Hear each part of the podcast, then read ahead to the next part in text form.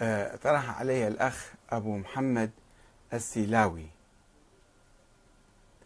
آه، السؤال التالي هل أنت شيعي يا أحمد الكاتب؟ وكيف تكون شيعيا وأنت لا تؤمن بنظرية الإمامة؟ فقال السلام عليكم أستاذنا الفاضل. خلال تجوالي في بعض صفحات الخاصة أو الصفحات الخاصة عثرت بطريق الصدفة على بعض مقالاتكم واستمعت لبعض آرائكم ولي بعض الأسئلة لجنابكم لمعرفة بعض الجوانب المهمة والضرورية منها. هل أنتم من الشيعة الاثنى عشرية التي تعتقد باتباع أئمة أهل البيت عليهم السلام وهل تعتقد بعصمتهم؟ أعتذر للسؤال لأني قرأت بعض سيرتكم الذاتية واطلعت على بعض آرائكم لذلك دفعني الفضول في التثبت أو في التثبيت على أهم أصل أو قل مدرسة حتى حتى أستطيع من خلالها أن أقف على بعض مقالاتكم الكريمة وشكرا. وأيضا سأل أحد الأخوة قال أحمد الكاتب إذا أنت لم تؤمن بالإمام المهدي هل أنت تحسب نفسك على المذهب الشيعي أم لك مذهب خاص بك أم تتبع أحد المذاهب الأخرى. وقد أجبته آه، بما يلي. ما يجب على الإنسان المسلم الإيمان به هو الإسلام فقط أي الإيمان بتوحيد الله تعالى واليوم الآخر والنبوة والأنبياء وما يتفرع من ذلك.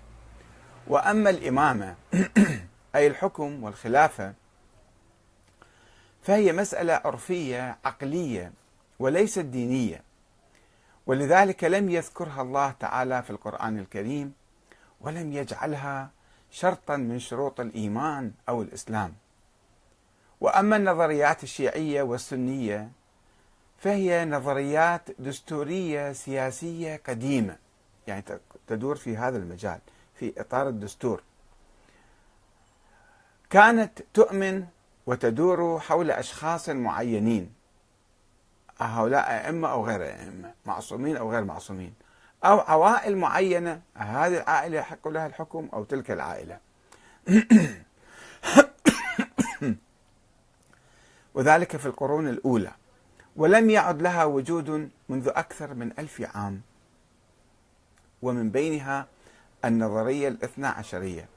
فهي ولدت ميتة وغير قابلة للتطبيق. لاعتقادها بوجود شخص لم يولد قط ولم يظهر قط وبالتالي فقد انقرض الشيعة الاثنى عشرية. ولا وجود لهم اليوم إلا بالاسم. يسألني بعض الأخوة أنه كيف مو موجودين الآن؟ ملايين الناس يؤمنون أن هم اثنى عشريين. أقول لهم هذا بالاسم فقط أما بالحقيقة والجوهر فغير موجودين. ولا وجود للنظرية الاثنى عشرية وسوف أثبت ذلك. وأما الشيعة المعاصرون فهم إما أتباع المرجعية الدينية والمرجع ينتخب. كل واحد بعد ما يموت الناس ينتخبوا لهم مرجع جديد. ويصبح قائدهم وإمامهم وزعيمهم ومرجعهم الأعلى.